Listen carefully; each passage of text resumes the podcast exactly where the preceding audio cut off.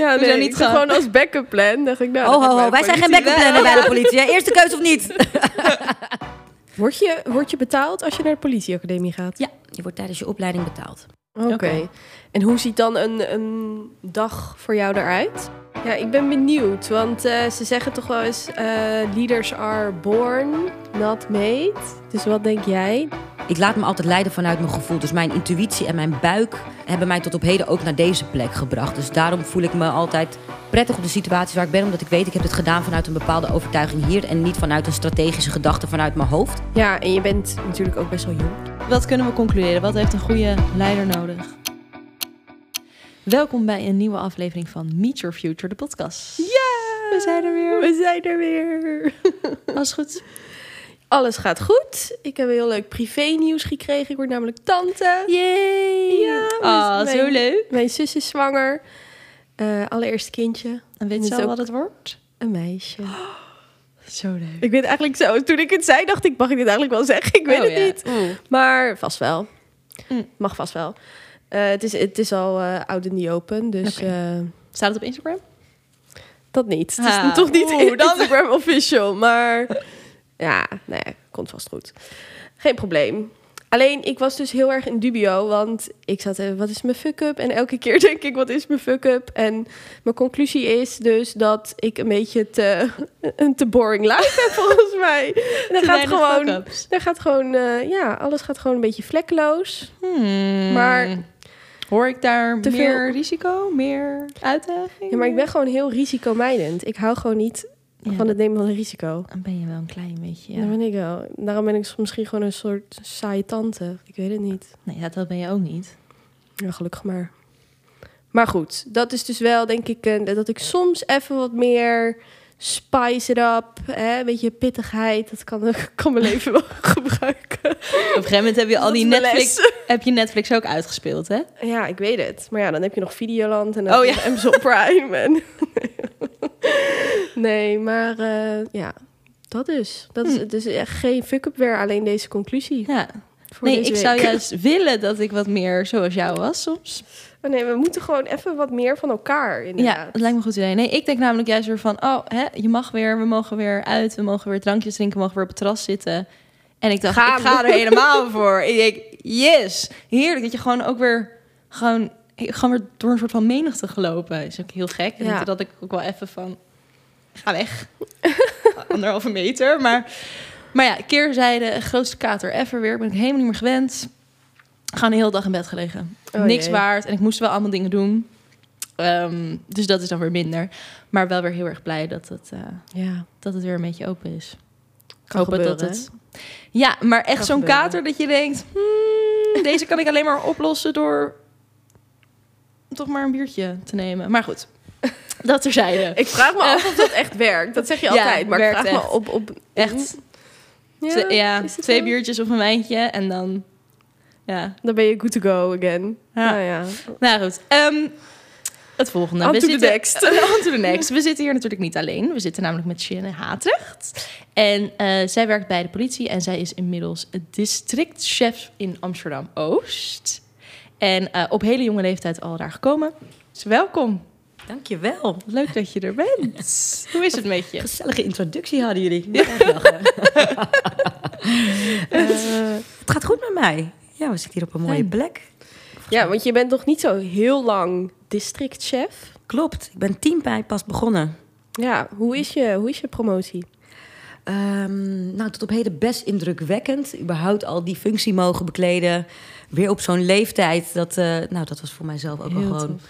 Hoe oud ben je? Ik ben 31. Ja. Ehm, daarmee dus ook gelijk de jongste commissaris in Nederland. Voor zover ik het heb kunnen uitzoeken. Heel vet. Eh, dus dat doet wel wat met de omgeving. Ik vond het spannend om te starten. Want ik dacht, oh, wat, hoe zullen mensen nu weer op me reageren? Ik ben ook niet zo heel groot, 1,62. Kom ik met mijn dreadlocks en mijn hippiekleding als ik geen uniform aan heb? Wat gaan mensen er deze keer van vinden? Maar tot op heden wordt er heel leuk gereageerd. En eh, ga ik elke dag nog met een glimlach naar mijn werk. Leuk. Nou, leuk. Ja, dat is fijn. Ja, voordat we helemaal eh, in het interview duiken, gaan we eerst even de dilemma-ronde doen. Dus je krijgt steeds twee opties en dan moet je er eentje kiezen. Het is net als mijn werk eigenlijk. Hè? Dan moet je ook heel snel keuzes maken op straat. Wat doe je? Nou, dan gaat dit schieten, heel- niet schieten. Dan gaat dit je heel goed af. Oké, let's go. Oké, eh, voorgrond of achtergrond? Voorgrond. Liever een goed boek of een goede film? Oeh, die is lastig. Hmm, goed boek tegenwoordig wel. Alright. Eh, zwarte koffie of alles erop en erin? Zwarte koffie tegenwoordig ook. Oké. echt Nice. Liever achter het bureau of in het veld? Oh, die vind ik echt heel lastig. Ehm, hmm. oh, dat vind ik echt heel moeilijk. Ik vind allebei leuk, merk ik nu ook weer. Nu dat ik weer de straat op, op ga af en toe. Want dan heb je echt veel interactie, ook met mensen op straat. Dan weet Ja. je weer precies wat de bedoeling is waarom je dit werk hebt gekozen. Dus dat levert gewoon zoveel energie op. Zelfs de minder leuke situaties. Eh, maar achter het bureau maak je weer het lange termijn verschil. En zonder dat mensen het vaak zien, maak je wel, kan je veel impact maken van achter je bureau. Maar dat vind ik toch ook altijd weer heel leuk als er dan iemand eventjes binnenstapt voor een gezellig praatje. Dus dan is het toch weer een soort van in het veld. Oh, Ja. skip. Pas. Combinatie. Ja. Combinatie. Hoe ben je hier eigenlijk gekomen? Want je zei net al, ja. Hè? Hoe? Hier fysiek nu beland of in deze Nee, in functie? je, in je functie. Oh, oké. Ja. Ehm, en ook überhaupt bij de politie. Ja, Mm, ik ben op mijn negentiende ooit begonnen eh, aan de politiekundige bacheloropleiding, dus na mijn VWO. En daarvoor wist ik dus al dat ik dit wilde gaan doen. En ik raakte voor het eerst in of ik kwam voor het eerst in aanraking met de politie toen ik ongeveer 7,5, 8 jaar oud was. Toen is mijn moeder, mijn moeder bij de politie gaan werken. Oké. Mijn ouders zijn uit elkaar gegaan toen ik drie jaar oud was. Toen woonden we nog in Leeuwarden. En op een gegeven moment, na een paar jaar, dacht mijn moeder... ja, ik wil gewoon weer aan de bak. Eh, ik zit hier nu met twee kinderen, ver van de rest van mijn familie. Ik ga bij de politie werken. Dus toen ging ze op haar 37ste met twee kleine kids... terug verhuizen naar Amsterdam. Ehm, en toen begon ze aan de politieacademie. Iets wat ik dus nooit zou hebben gedaan met twee kinderen erbij. Ik heb dat nu gedaan kinderloos. En dat vond ik al heftig zat. Maar ik hoorde dus vanaf jongs af aan wel al de mooie verhalen van haar. Eh, maar ik zag soms ook wel eens de keerzijde. Ik woonde zelf toen in de Bijlmer in Zuidoost. En ik zag eh, en hoorde ook van mijn broer dat het niet per se het contact met de politie altijd even leuk was. Eh, terwijl ik ook wist dat de politie echt heel erg cool is. Ja. Ehm, dus ik dacht, daar wil ik iets mee. Misschien kan ik wel een verbinding zijn tussen beide werelden. Ehm, en in mij groeide altijd wel iets van jongs af aan dat ik me ja, hard maakte voor ja, gerechtigheid. Klinkt misschien een beetje dramatisch, maar op school wilde ik in ieder geval invloed uitoefenen. Dus ik zat op de voorgrond, in de SOS-commissie, in de sportraad. Als iemand werd gepest of geduwd op de gang, nou, dan gaf ik diegene die duwde een duw terug. dus dat waren dingen die, ja, dat, dat groeide wel in mij. Ehm, en daarnaast was ik ook wel zelfstandig en redelijk bij de hand thuis. Dus ik dacht, ik moet gewoon snel de deur uit en voor mezelf gaan zorgen. ik ga naar de politieacademie, want dan krijg je ook betaald. Kan je de deur uit en kan je gewoon voor jezelf gaan zorgen... en bepalen hoe het leven eruit gaat zien. Word je, word je betaald als je naar de politieacademie gaat? Ja, je wordt tijdens je opleiding betaald. Ook omdat je gelijk toch ook echt het, het Je bent ook- in... eh, ja, je gaat ook gelijk eh, aan het werk. Dus een duale opleiding. Dus je hebt eh, periodes dat je echt naar school gaat of naar de academie. En je hebt periodes dat je stages loopt. Echt al in uniform, op straat. Ehm, omdat wat je leert op school in de praktijk. eh, Oké. Hoe oud was je dan toen je al wist dat je eh, bij de politie wilde? Eh, ik had op mijn achttiende al een keer gesolliciteerd. Maar toen was ik gezakt voor mijn VWO-examen. toen kwam ik achter dat ik toch wel echt moest leren. Ehm, Toch wel. Ja, toch wel. dat ik er niet meer vanaf kon komen met praatjes. ik, kon, naar die cijfers niet meer naar iemand toe lopen van... nou, doe er even een puntje bij. Dat kon daarvoor nog... Af en toe lukte dat nog wel eens. Eh, dus toen was ik gezakt. Toen ben ik nog naar Joke Smit gaan. eh, avondonderwijs of volwassenenonderwijs. Dus ik was al aangenomen. En een jaar Nou daarna ja. ben ik alsnog toen naar de politieacademie gegaan. Anders was ik dus op mijn achttiende al begonnen. En wat was dat dat je dacht van dit, dit wil ik worden? Was dat echt inderdaad nou, je moeder als rolmodel die je zag? Dat je dacht, dat Ja. is het? Of Ja, ik, ik had ook nog een oom bij de, bij de politie en een tante bij de meldkamer. Dus ik had sowieso altijd Oh ja. wel respect. eh, en ook niet per se moeite met autoriteit. Ondanks dat ik zelf ook graag de autoriteit dus wilde zijn. Dus dat was Ja. een geinig aspect. Ehm, maar ik vond de politie, ja, ik, ik heb daar gewoon altijd wel respect voor gehad. Dus ehm, ja, ik vond het een mooie plek om eens te kijken. Kan ik kwijt wat ik nu op school eh, merk aan wat ik doe? Dus ik was niet per se heel erg van het leren. Maar ik was wel heel erg van de relaties opbouwen. Dus ik Ja. dacht, dat kan ik vast daar kwijt. tof. En nu dus als districtchef. Ja. Wat houdt dat precies in? Waar ben je dan verantwoordelijk voor? Mm, In ieder geval voor het gebied in Amsterdam-Oost. En dat eh reikt tot aan ongeveer waar wij nu zijn. Ietsje verder tot aan Artis. Eh Diemen, Ouder Amstel hoort daarbij. Oude Kerk, Weesp komt er nog bij. Zuidoost. Eh, vergeet ik dan nog iets? Driemond zit nog een stuk erbij. Ehm, en heel Amsterdam-Oost. Dus dat gebied in zijn volledigheid valt binnen ons district. Dus Mhm. een eenheid Amsterdam is opgedeeld in, in districten. Centrum Noord, West, ehm, Oost en Zuid. Ja. En dan heb je nog een dienst, de opsporing. Dat is waar de rechercheafdelingen onder vallen. En die hebben allemaal hun eigen dienst, districtsleiding. En wij zijn dan met z'n tweeën. Dus tweekoppige districtsleiding verantwoordelijk. Eindverantwoordelijk voor het reilen en zeilen binnen dat district. Voor alles. Nou, je hebt nog teamchefs daartussen zitten. Dus teamchefs die, zijn, die werken op een basisteam. En die hebben de leiding over hoe het gaat op een basisteam. Dus daar leg ik ook het vertrouwen neer. Daar, ik ga niet over hoe zij het intern regelen. Eh, maar je hebt wel allerlei beleidsmatige keuzes die je maakt... die effect hebben op dat team. En dat, daar ga je dan wel over. Eh, je bepaalt een langetermijnstrategie. eh je gaat over de financiën voor een gedeelte. En je bent in de lijn, zoals we dat noemen... degene waarmee er wordt gecommuniceerd vanuit de eenheidsleiding. Oké. En hoe ziet dan een, een dag voor jou eruit? Nou, dat is op dit moment nog heel verschillend. Dat komt ook wel omdat ik eh, in mijn. eh, nou, niet oriëntatie was, maar in mijn, in mijn kennismakingsronde zit. Dus ik heb eh, nu afgelopen zeven weken iedere keer bij een ander basisteam meegelopen, drie dagen.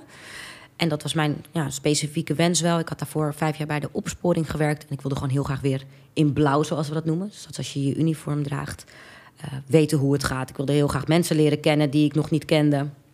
En elk basisteam heeft gewoon ook weer zijn eigen structuren, hoe ze het hebben georganiseerd, overlegvormen. Enigszins hetzelfde, maar iedereen is ook weer eh, gebonden aan de context waar ze werken. Dus de ene keer was ik eh, bij de Linnaeusstraat eh, om op te komen, de andere keer in Diemen. En ik heb een aantal overleggen waar ik nu standaard in zit. We hebben elke dinsdag met eh, alle teamchefs een overleg. Donderdag heb ik een overleg met alle mensen die mijn functie hebben, maar dan in de andere districten. Ehm, en ik ben aan een paar projecten nu verbonden. Dus het is verschillend. En eh, soms heb ik even een paar uurtjes vrij door de week nog. En dan kan ik opeens hier zijn. Heb je dan Heel ook fijn. nog eh, avondshifts en zo? En nachtshifts? Of, of- In principe bestaat mijn werk niet direct daaruit. Dus als ik dat doe, is het echt vanuit mijn eigen... dat ik een dienst wil meedraaien. Je hebt wel mensen in mijn functie die dat nog eh, hebben. En dan is dat meestal gericht omdat zij in een SGBO noemen we dat. Dat is een eh, staf grootschalig bijzonder optreden. Alles wat je ziet met evenementen, demonstraties, avondklokrellen... daar wordt dan een, een staf voor opgezet. En dan kan het zo zijn dat je een avonddienst hebt of met voetbal. Oké. Maar dat doe ik dus zelf nog Nou, niet. ik ben wel benieuwd, want je hebt dus wel echt een functie met een hoop verantwoordelijkheid. verantwoordelijkheid. Je bent voor heel veel mensen dus een soort eindverantwoordelijk. Ja. Hoe ga je daarmee om? Hmm, nou, door het vooral niet zo te voelen alsof het allemaal aan jou ligt. eh, of dat wel of niet goed loopt en of de wereld draait. En, eh, of tenminste, of het, of het werkt in dat district en dat het allemaal bij jou ligt. Want zo belangrijk vind ik mezelf echt zeker niet. Ehm, in mijn vorige functie, toen ik net voor het eerst ging leiding geven, dan ging ik opeens over 70 mensen vanuit het niets. Ehm, toen heb ik het ook wel veel naar me toegetrokken. In eerste instantie, totdat ik ontdekte: hey, ik heb eigenlijk allemaal professionals eh, op dit team werken die heel veel dingen heel goed kunnen. Ik moet ze alleen laten weten dat ze dat heel goed kunnen en er zelf over mogen gaan. En volgens mij hoef ik dan ook zelf wat minder te doen. Eh, en toen dat op een gegeven moment een beetje normaler werd, dus dat er niet alleen maar gekeken werd naar de eindverantwoordelijke als de chef die eind beslist, maar meer als degene die jou moet inspireren of degene die jou eh, mandaat moet geven of ruimte om te accelereren, dan betekent het ook dat je iets minder verantwoordelijkheid continu hoeft te voelen. Ik, uiteindelijk voel ik me wel eindverantwoordelijke, maar ik ga niet de hele dag over alles wat er gebeurt. Daar heb ik Ja. heel veel professionele mensen voor op een team. Nee, Ja. dus, maar dan dus vertrouwen heel belangrijk. Want Ver- jij moet dus ja. blind kunnen vertrouwen op hè, die laag onder jou. En die- Precies. ja. Ja, en je bent natuurlijk ook best wel jong. Je bent 31 nu. Ja. Dus hoe voelt het? Wat geef je dan ook leiding aan mensen die ouder dan jou zijn? Ik Denk het wel, toch? Er zijn geen mensen die jonger dan mij zijn waar ik werk. Helemaal niet. Nee. Wel, wel eh, collega's die in de noodhulp werken, maar de, mijn directe, of de mensen waar ik direct aan leiding geef, zo zou ik het eigenlijk nog niet eens willen zien. Dat gaat op een gegeven moment wel echt zo vorm krijgen. Ehm, maar die werken bijna zo lang als dat ik leef. Oh, wow. Hoe vind je En dat dat, was op mijn vorige plek was dat ook het geval. Nou, bij mijn vorige plek, dus de, de functie hiervoor, dacht ik eerst: oh mijn god, gaan mensen dat wel accepteren? We zijn ook best wel een organisatie die gebouwd is op dienstjaren, weet je, dat je promoveert Ja. als je langer ergens werkt. Ehm, en dat we vroeger ook wel keken naar, nou, degene, de oudste eh, is degene met de hoogste rang waarschijnlijk en degene met de meeste kennis. Nou, ik, ik ervaar het niet zo ehm, dat er zo op mij wordt gereageerd. Ik word nergens weggekeken.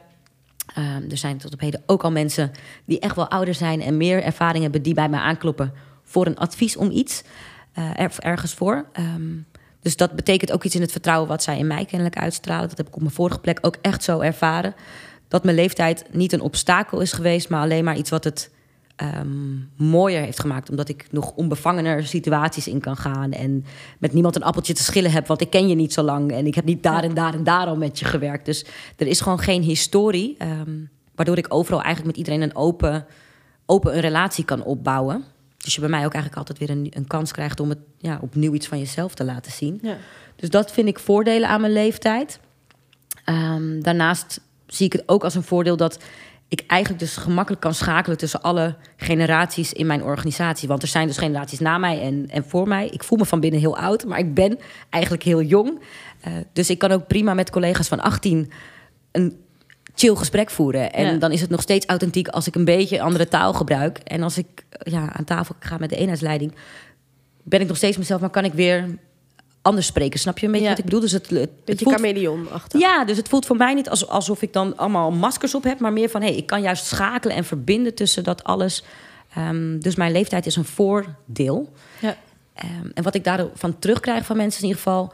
Hey, wat fijn dat jij binnenkomt, je bent zo benaderbaar. Ik voel me heel relaxed bij je. En dat is toch ook omdat je ja, één turf hoog bent en super jong... dat mensen niet gelijk zo oh, statig de leidinggevende komt nu binnen. Nu moeten we allemaal... Ja, maar en eh, gewoon dus een hoop vertrouwen in hè, wat, je, wat jij dan doet Ja. en op jouw functie. Wat denk je, denk je, zeg maar, heb je bepaalde eigenschappen of zo van jou dat je denkt van nou, dat ik denk dat dat wel echt bijdraagt aan hoe mensen naar mij kijken. Of waarom ze dus mij wel hè, dat vertrouwen Ja. geven.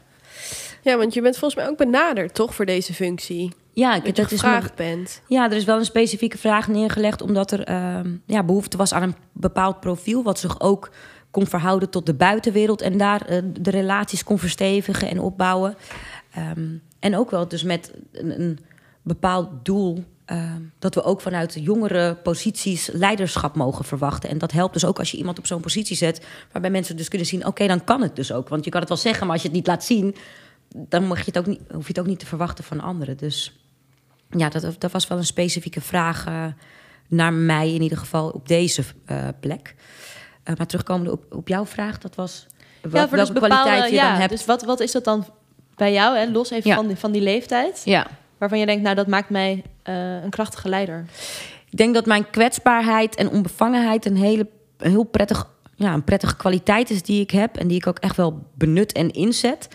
Ehm, ik, kan, ik laat me altijd leiden vanuit mijn gevoel. Dus mijn intuïtie en mijn buik hebben mij tot op heden ook naar deze plek gebracht. Dus daarom voel ik me altijd. ehm, voel ik me prettig op de situatie waar ik ben, omdat ik weet ik heb het gedaan vanuit een bepaalde overtuiging hier en niet vanuit een strategische gedachte vanuit mijn hoofd. Dus ik zit bijna nooit in mijn hoofd. Ik ben gewoon bijna altijd als ik ergens kom in mijn lichaam en dat voelen mensen gewoon. Ik denk dat dat heel erg helpt. Ehm, het gebeurt ook best wel regelmatig als ik een gesprek voer met iemand, voer met iemand en ik voel dat daar iets niet goed zit. En dat heeft dan soms te maken met een werkplek waar ze werken of een situatie thuis. Ik hoef maar twee vragen te stellen en het komt eruit, zeg maar. En soms is dat in de vorm van tranen, maar soms is dat in de vorm van een heel levensverhaal. Eh, en mensen vinden dat gewoon fijn, dat ze gezien en gehoord worden. Ja. Dat je een klein beetje stiekem dus door ze heen kijkt. En dat je dan de tijd en de ruimte daarvoor maakt. Ehm, tot op heden kan iedereen altijd bij mij aankloppen. Of soms bied ik het zelfs, zelfs aan van... Hey, heb je zin om een keer gewoon bij me langs te komen... om te sparren over de situatie waar je nu in zit? Nou, dat gebeurt niet per se heel vaak meer... als je in zo'n functie zit of als leidinggevende... dat een random bij je langs... of dat je een, een persoon waar je eigenlijk niks mee hebt... en ik, ik verwacht er ook niks van. Ik heb niks aan dit, want ik ben niet met jou per se aan het samenwerken... maar ik hoop dat het voor jou bijdraagt. Nou, ik denk dat dat me wel eh, oplevert dat mensen het waarderen dat ik er ben. Ja, heel mooi. Ja. Heb jij eigenlijk al wel eens eh, fouten gemaakt tijdens het leidinggeven? Dat je denkt, nou, dat ging toen even mis. Oeh.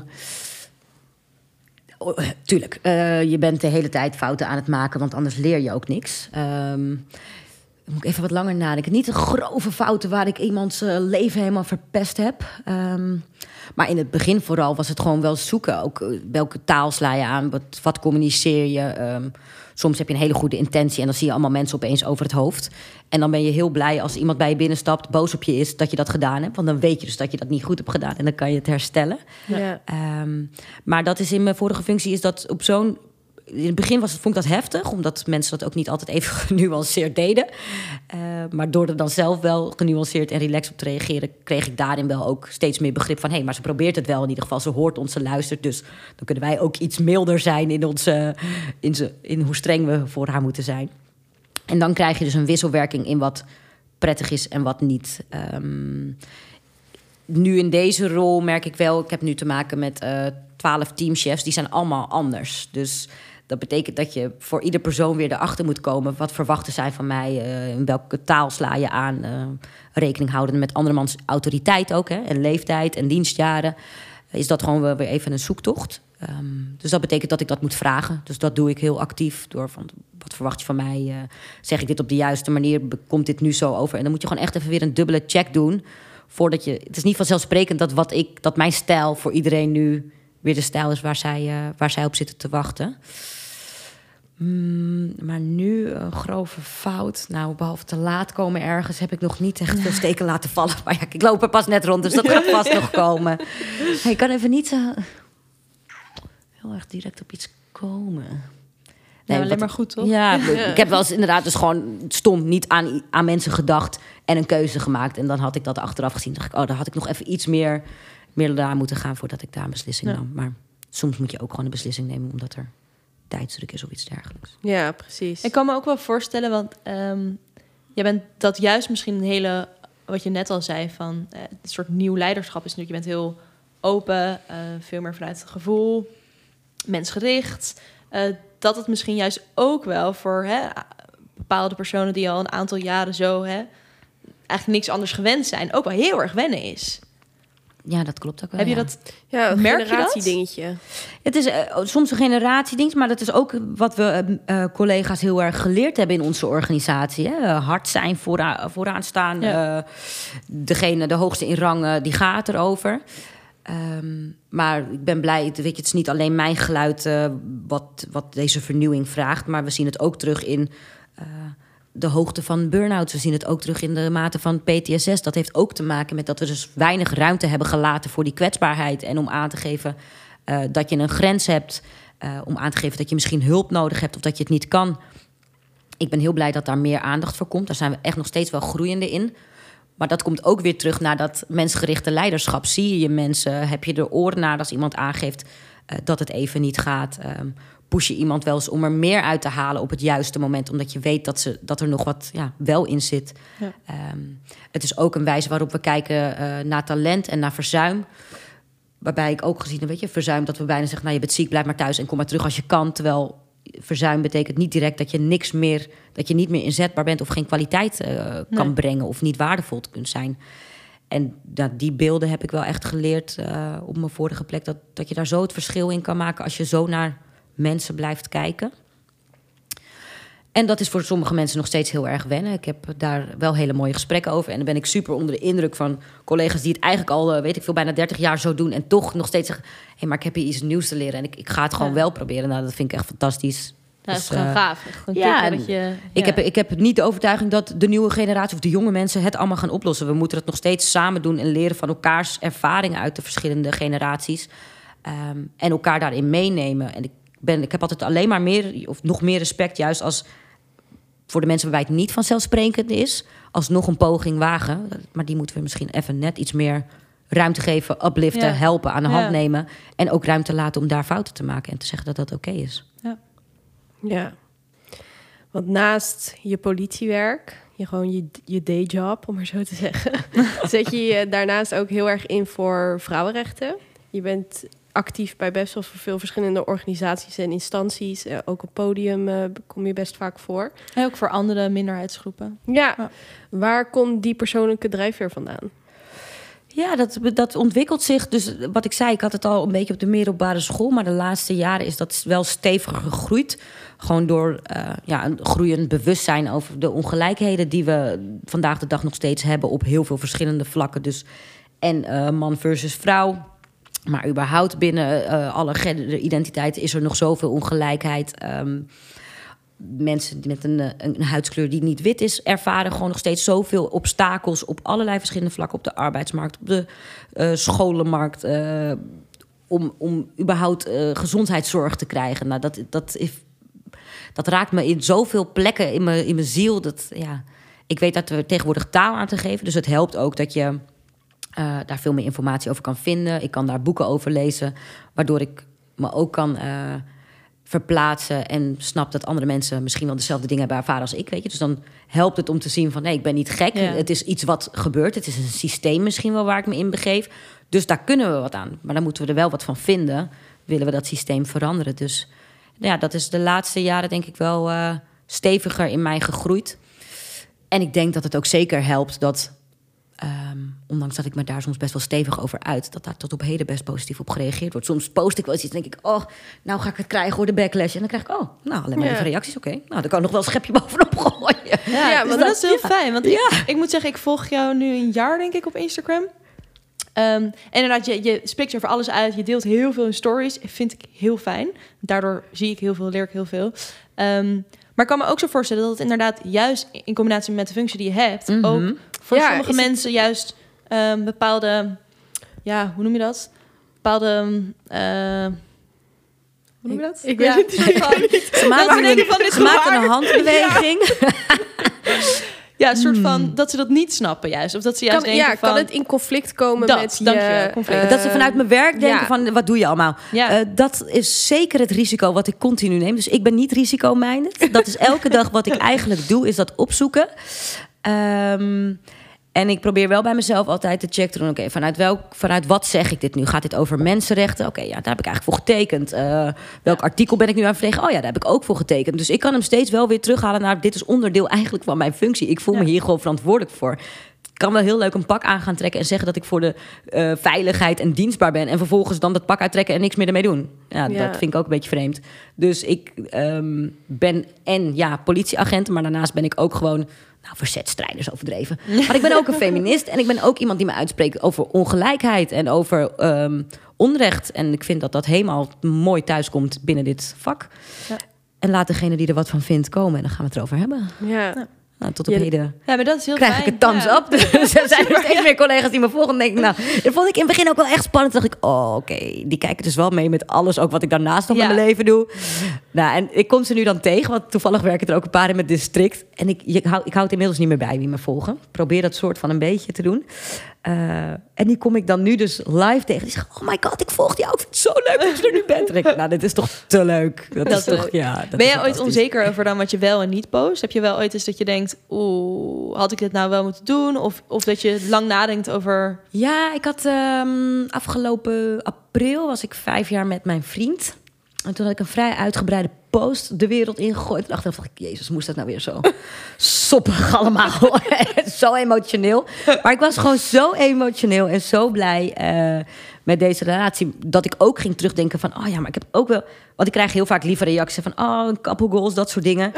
En toen dacht ik, ja, maar ik wil ook wel gewoon dat mensen weten... dat ik daarvoor ook gewoon best wel depressed ben geweest, weet je? Dat ik echt wel ongelukkig ben geweest in de liefde...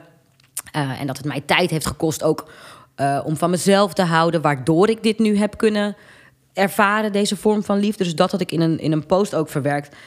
En toen dacht ik, oh my god, wat heb ik gedaan? En de reacties waren zo overweldigend. Ik wist niet wat me overkwam. Het was zo... Ja. ik had echt een paar mensen zo in hun ziel geraakt. Um, maar dat is ook het, dus het durven toegeven dat het niet allemaal zo fantastisch is. En dat je daarvoor ook iets moet doorlopen. Um, ik schaam me nooit om te zeggen dat ik ooit naar een psycholoog ben geweest om dingen te verwerken. Uh, ik zou het altijd juist alleen maar toejuichen voor mensen om dat te doen.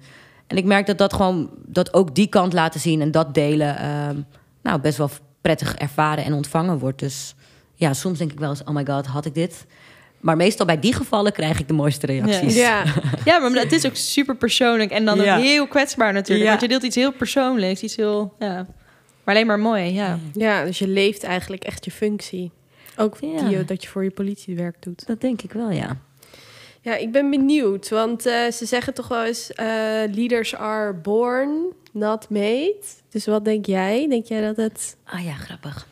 Mm, ik geloof daar ook wel een beetje in hoor. Want um, ik denk dat er veel leiders zijn waar ik nooit tegenop zou kunnen kijken. Dus dan kan je heel erg die functie hebben, maar ik vind je totaal niet inspirerend. Dus ben je het dan echt of ben je het aan het uitvoeren? En ja, de mensen die, die mij raken of waarvan ik het terugkrijg dat ik hen raak, daar haal ik wel een beetje uit van ja, maar dit is dus wel wat ik altijd al gedaan heb. Dus ook toen ik klein was en het, het zat al een beetje in mijn systeem. Ik heb nu alleen een weg gevonden eh, om dat ook te kunnen combineren met mijn werk.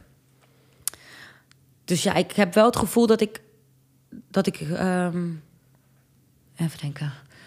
Ja, dat ik echt mezelf aan het zijn ben. Ik, heb, ik ben eigenlijk ook niks aan het doen vanuit een boekje. Ik heb nooit een opleiding ook gehad in wat ik nu aan het doen ben. Er zijn heel veel opleidingen en cursussen wel die je kan volgen. En ik kwam er laatst achter toen ik mijn cv gemaakt dacht ik, oh ja, misschien had ik ooit eens een keer naar eentje toe moeten gaan. uh, maar ja, dan ben ik dus kennelijk toch iets vanuit nature aan het doen wat werkt. Um, nou, niet om mezelf heel erg op de schouders te kloppen, maar dan denk ik dat het in mijn geval wel een, een, ja, een natuurlijke rol is uh, die deels is aangeboren. Ja, dat denk ik ook wel hoor. En jij? Denk het ook. Ja? Ja. Zo, daar they're born, not made. Ja, dat denk ik wel. Ja. Ja. Ik denk wel dat je bepaalde leiderschapsdingen kunt leren. Eh, dat wel. Maar ik denk inderdaad, hè, het ligt er ook aan hoe je leiding wil Mhm. geven. Hè? Ja, dus inderdaad, wat vind je dan een goede leider? Ja, Nou, inderdaad, leider, ja, een leider en ook eh, hè, dus anderen vertrouwen geven om hun werk goed te doen. ja. En zelf vanuit je, hè, vanuit je gevoel en eh, dat anderen jou vertrouwen. Ik denk inderdaad dat, dat stukje, dat dat iets is wat je moet hebben of niet. ja. En ik denk, Ja. en leiding geven en gewoon tegen het team zeggen... jij doet dit, jij doet dit. Een beetje, ja, oldschool Ja, maar leiding dat is- geven. ja. Dat is ook niet meer van deze tijd of zo. Ja, en ik denk ook dat je voor verschillende teams of functies natuurlijk ander soort leiders nodig Dat hebt. denk Absoluut. ik ook wel hoor. Ja. Eh, ik denk dat je bij de politie een heel ander soort leider nodig hebt dan, weet ik veel, in een, creatieve, in een creatief team van developers en weet ik veel. Misschien ook Ja. niet, ik weet het eigenlijk niet. Maar ik denk dat je wel verschillende soorten leiders nodig hebt om alles in gereel te houden, om maar zo te zeggen. Ja, ik denk dat het een beetje afhankelijk is. Gedeeltelijk mee eens. Ehm, het is ook een beetje afhankelijk van het doel van je organisatie ook. Hè? En eh, kan je heel erg werken met dat je ergens naartoe werkt en een eindpunt. Dan wil je gewoon iemand die daar naartoe race. Ja. Eh, maar in grotere over, overheidsinstanties, loggenbedrijven... heb je andersoortig inspiratie nodig. Want er is vaak niet een per se een einddoel... en een, een prijs die aan het einde staat. Want je bent gewoon eindeloos maar aan bepaalde dingen aan het Ja. werken... voor eh, heel de maatschappij. Ehm, maar er is, ik denk ik, geen organisatie of bedrijfstak... waar mensen het niet prettig vinden om gewoon gezien te worden... voor dat wat ze kunnen. Ja, En eh, om gehoord te worden als het even niet zo lekker gaat. En om ondersteund te worden als eh, misschien wat meer nog eruit te halen valt. En om ingezet te worden op hun kwaliteiten. En dat betekent dus dat je vanuit je leiderschap mensen wel moet zien als Ja. een individu die een individuele wens heeft. En je daarin kunt schakelen naar hun behoeften. Ehm, dus sowieso is één stijl als leider hebben nooit een stijl die bij je hele club kan passen. ja. Denk ik. ja nee, true. Dus iets aangeleerd, dan moet je nog steeds veel verschillende dingen aanleren. Om daartussen te kunnen schakelen, zodat je naar gelang de situatie dat kunt inzetten. Eh, maar wat, je ook, wat ik ook wel eens zie, is dat eh, vooral met ja, team waar wel stevige mensen zitten of wat meer op leeft, dat ze gewoon keihard door je heen prikken als het niet authentiek is. Ja. Als zij zien dat het niet oprecht is, ook als je interesse toont en ze voelen gewoon aan alles, ja, je bent me gewoon in de zijkant nemen, dan, dan kan je nog zo leuk eh, dat hebben aangeleerd, maar Nee, werkt niet. je gaat dan niet dat krijgen wat je, wat je beoogt, denk ik. Dus, Nee. eh, ja. Nee, dus wat, iets- wat kunnen we concluderen? Wat heeft een goede leider nodig? Eh, kwetsbaarheid, Kwetsbaarheid, openheid, authenticiteit, authenticiteit. Ik denk ook wel lef. Lef. lef, een En ook- risico. En ja, risico. Risico. risico. maar dus ook het lef hebben om toe te geven dat je het niet kan en dat je een fout hebt gemaakt. Ja, dus durven fouten Ja, maken. durven fouten te maken, die durven toe te geven. Eh, en dat, ja, dat komt eigenlijk weer terug bij kwetsbaarheid dan. En ik denk dat het menselijke aspect echt het meest. eh, en ook wat, ik, wat we steeds horen in verschillende podcast-interviews, is dat het omgaan met mensen, dat management, dat dat gewoon natuurlijk mensenwerk is. Ja. En dat Ja. dat uiteindelijk de organisatie beweegt naar het doel wat we stellen. Tuurlijk, je moet het samen doen. Ja, maar ik denk Ja. dat we dat heel vaak vergeten. Denk je niet? Dat je met mensen te maken hebt en niet dat we met targets te maken hebben of cijfers of, of Die doelen worden uiteindelijk of- vanzelf wel behaald als je mensen gelukkig zijn, ben ik van overtuigd. Ja, precies. Die, die resultaten komen vanzelf als je mensen gezond, fit en happy zijn op de werkvloer. Ja. Wat ik bijvoorbeeld een hele interessante bedrijfstak vind, is de zorg eh, in z'n volle breedte. Maar gewoon artsen op de IC of, of artsen überhaupt. eh, hoe slecht daarvoor gezorgd wordt. Terwijl zij continu bezig zijn met mensen en zorgen. Maar dat er wordt gehoord en gezien waar zij tegenaan lopen. En hoe de hiërarchie daar is. En hoe de strijd is op die werkvloer af en toe. onderling. Dat klinkt voor mij niet als de meest. Ik wil niet oordelen daarover, want ik, ik werk er niet zelf. Maar wat ik er dan van hoor, klinkt dat niet als een hele veilige, gezonde situatie, omgeving. Terwijl je zou denken dat het allemaal mensen zijn die met Ja. mensen omgaan. En dat het Ja. een plek is waar er heel menselijk, eh, in ieder geval op de werkvloer omgaan. Ja. Maar dat is, nou, dat heb ik tot op heden met artsen die Ja. ik ken nog niet gehoord dat dat. Maar sowieso zo denk werkt. ik minder aandacht voor mentale gezondheid. Ja. En, ja. Ik denk dat je dat inderdaad ook zeker daar eh terug ziet. Gelukkig heb ik wel, denk ik, het idee of het gevoel dat onze generatie daar wel meer aandacht aan besteedt. Ja, denk ik ook heel eh, erg. En dat het ook mm, steeds meer oké wordt dat je je dus kwetsbaarder openstelt op de werkvloer. Ja. En dat het allemaal wat dat het in- allemaal niet perfect hoeft en allemaal dat soort eh, ongein. Ja. Dat dat hopelijk wel iets is. Nou ja, waar ik het net al over had, net voordat jij eh, aankwam, Cheyenne, toen hadden we het even over dat ik vraag vaak in, ook eh, zakelijk als ik met iemand praat, dan vraag ik allereerst hoe is het of hoe is het met je? En dat ik best wel snel, of best wel vaak dan echt grote ogen terugkrijg van mensen dat heel persoonlijk vinden. Ja. En ik heb daar eigenlijk nooit echt zo bij stilgestaan dat, ja, is dat dan ongepast of niet? Bij mij is het zo vanzelfsprekend Ja. dat je vraagt of het nou zakelijk of niet, of dat je vraagt van, hè, hoe gaat het? Ehm, maar ja, inderdaad, in sommige kringen is dat helemaal nog niet. Is dat al zeg Ja. maar heel kwetsbaar? Ja, terwijl het eigenlijk natuurlijk absurd is dat als jij eh, alleen zakelijk contact hebt en de meetings gewoon begint met: oké, dit zijn de cijfers en dit is het doel. En dat je niet even bijpraat van: joh, Ja, how's life? Love small talk. Ja. Ja, maar hoe, hoe gaan we überhaupt al om met... Want we vertellen altijd, weet je, in vriendenkringen of gewoon sociale gelegenheden vaker wel... hey, hoe is het? Zeg maar gewoon eens, ja, niet zo goed. Kijk Ja. hoe er gereageerd wordt. Mensen dan Ja. van, ah, dat was Ja. niet de bedoeling. Wat moet ik daarmee? Oké, ik, ik moet... eh, eh, wacht, ik word Ja. gebeld. dus ja, weet je, dat is iets waarvan we helemaal niet ja, zo goed weten... hoe we daarmee om moeten gaan. Of als mensen eh, ziekte in hun omgeving hebben... of zelf ziek zijn, dat we dan opeens helemaal ongemak worden. Ja, ik zeg maar niks, want misschien zeg ik het verkeerd. Terwijl empathie en compassie... ik bedoel, ja, dat heeft nog nooit iemand slecht gedaan... om dat een beetje te tonen. Nee. Dat, eh, ik denk dat we daar nog, ook in onze generatie, nog wel meer in kunnen groeien. En de generatie na ons. Dus enerzijds vind ik dat we het goed doen, maar anderzijds vind ik ook wel dat we heel erg streng en hard zijn en Ja. gemakkelijk van achter een schermpje oordelen. En als ik hoor hoeveel kids, nou ja, thuis zitten depressief en eh, geshamed Ja. worden en En heel erg die prestatiedrang. meisjes ja, die zich eh, nog zwaarder beoordeeld voelen dan dat ik dat voelde in die tijd. Dan maak ik me soms daar ook wel eens zorgen over. Dat ik denk, wow. Ja. Ja. Volgens mij is dat altijd een, eh, een paradox, toch? Dat eh, parallel aan elkaar eh, in de ontwikkeling, om maar zo te zeggen. Doe je dit? We maken weer een handbeweging van een golfje. Wij zijn er net tussendoor gegaan. En wat is jullie generatie? Hoe oud zijn jullie eigenlijk? Ik ben 25. Ik ben 24. Ah, oké. Ik ben zes jaar ouder ongeveer. Dus we Ja. zitten een soort van nog in. Jullie weten wie Britney Spears is. ja, Eh, te- maar iemand die 15 is, weet toch ook wie Britney Spears Ja, is? oké. Nou, maar ik had wel met mijn nichtje met muziek van de, de Backstreet Boys. Dat zij niet kon meezingen. En zij is nu 20, 19? Oh, nee, dan kunnen wij nog wel. ja, ja, ja, ja, precies. Nee, dat, Oké. het gaat- het gaat nog goed. 90s We kunnen nog, ja. Ehm, nou, toen ik hoorde dat jij hierheen kwam, toen was ik helemaal blij. En toen dacht ik gelijk, oh, misschien heeft ze nog spannende politieverhalen. Oh. Oeh. Hebben we niet één goed verhaal? Even lekker. Oh, een goed politieverhaal. Oh, even denken. Nou, er zijn heel veel hele goede politieverhalen de laatste tijd geweest, maar ik was er iedere keer niet bij. Dus ik zie ze wel over de app gaan.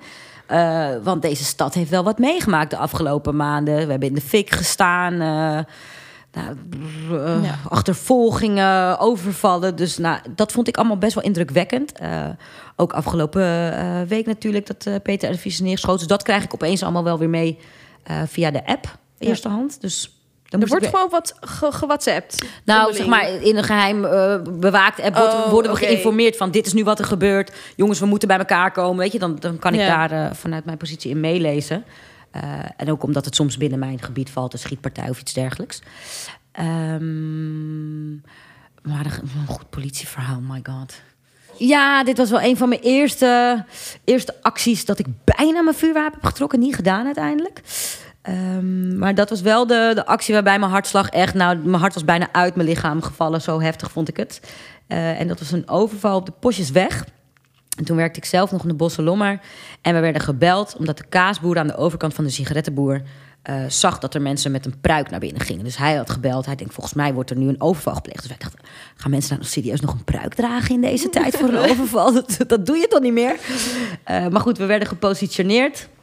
Ehm, allemaal op verschillende locaties, maar zelf weet je dus niet. Je hebt je eigen roepnummer, je weet niet hoeveel mensen er zijn. Je hoort wel, eh, iedereen krijgt een plek aangewezen door eh, het OC, het operationeel centrum, die ons dan aanstuurt. Eh, en op een gegeven moment hoorden wij alleen nog maar... Oké, ze gaan nu, nu, nu, nu, nu. Dus wij rennen die hoek om. En opeens, vanuit het niets, was die hele straat blauw. Fietsers, eh, motorrijders, eh, politieauto's, burgervoertuigen. Wij te voet erachteraan gerend. En nou, die gasten hebben gewoon niet geweten wat hen overkwam. Het was net een film. Heel die straat was in één keer bam. Ze werden nog tegen de gevel aangereden. Een paar trokken hun vuurwapens erop. En ze waren gewoon aangehouden binnen drie seconden dat ze daar naar buiten renden. Toen dacht ik, oh my god, dit werk is zo vet.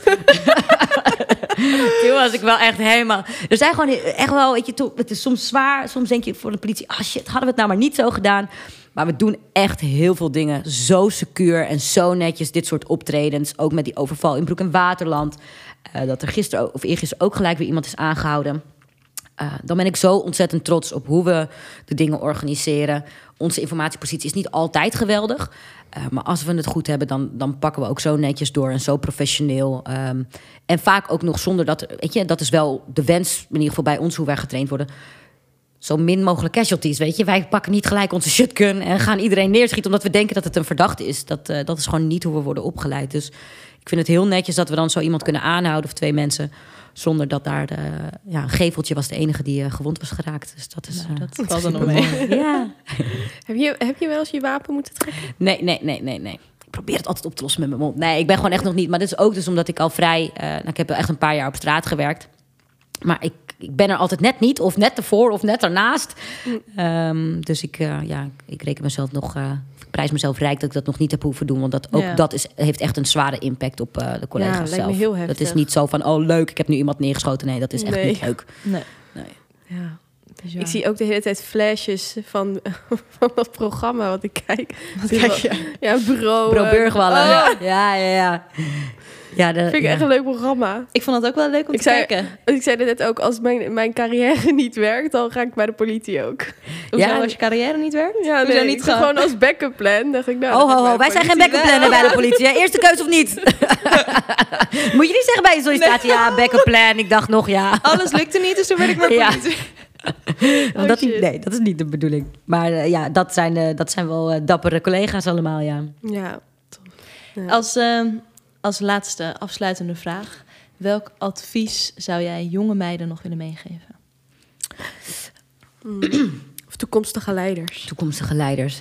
Eh, en als er iets is wat ik wel gemerkt heb... en waar ik, eh, als ik terugkijk op mijn eigen pad...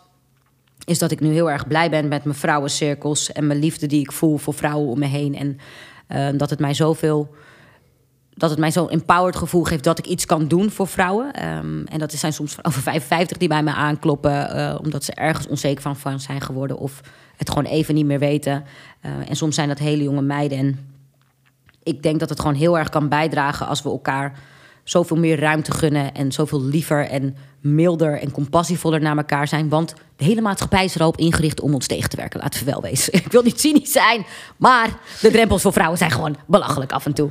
Dus als we elkaar dan af en toe een, een, een traptreetje kunnen geven extra, zou dat gewoon zo erg helpen in eh, het vrouwelijk leiderschap nog verder ontwikkelen. In de plaats van dat we dus denken, nou, er is maar plek voor één, dus ik moet daarvoor vechten en iedereen moet aan de kant. Ehm, zou dat mijn advies zijn? We kunnen er met elkaar zijn, we kunnen aan elkaars tafel zitten, we kunnen elkaar mooi vinden. De ander mag zelfs mooier zijn. En dan ben je nog steeds even waardevol en even goed om in die ruimte, eh, ruimte in te nemen. Dus dat zou mijn advies zijn. Mooi. Heel mooi. Mooi om mee af te sluiten. Super bedankt. Dankjewel Ja. dat je hier was. Ja, jullie bedankt. Wat een tof gesprek. Echt eh, heel blij dat eh Cheyenne hier was. En even tijd voor ons had. En ik vind het echt zo inspirerend om te horen hoe zij ehm, op haar 31 ze is 31 hè. Ze heeft al Ja. zoveel mensen aan wie ze leiding geeft. Maar Ontzettend haar, jong.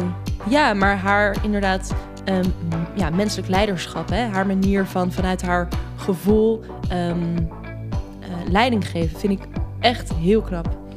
Ja, en ik vind haar gewoon zo authentiek ook. Ze is Ja. zo hoe ze, hoe ze zelf is. En ik denk dat dat dus ook haar soort van secret power is. Dat ze gewoon zo authentiek is, zo oprecht. Ja. En dat ze daardoor voor, dit, voor deze functie ook wordt gevraagd. Dat ze dan gewoon zo goed leiding kan geven.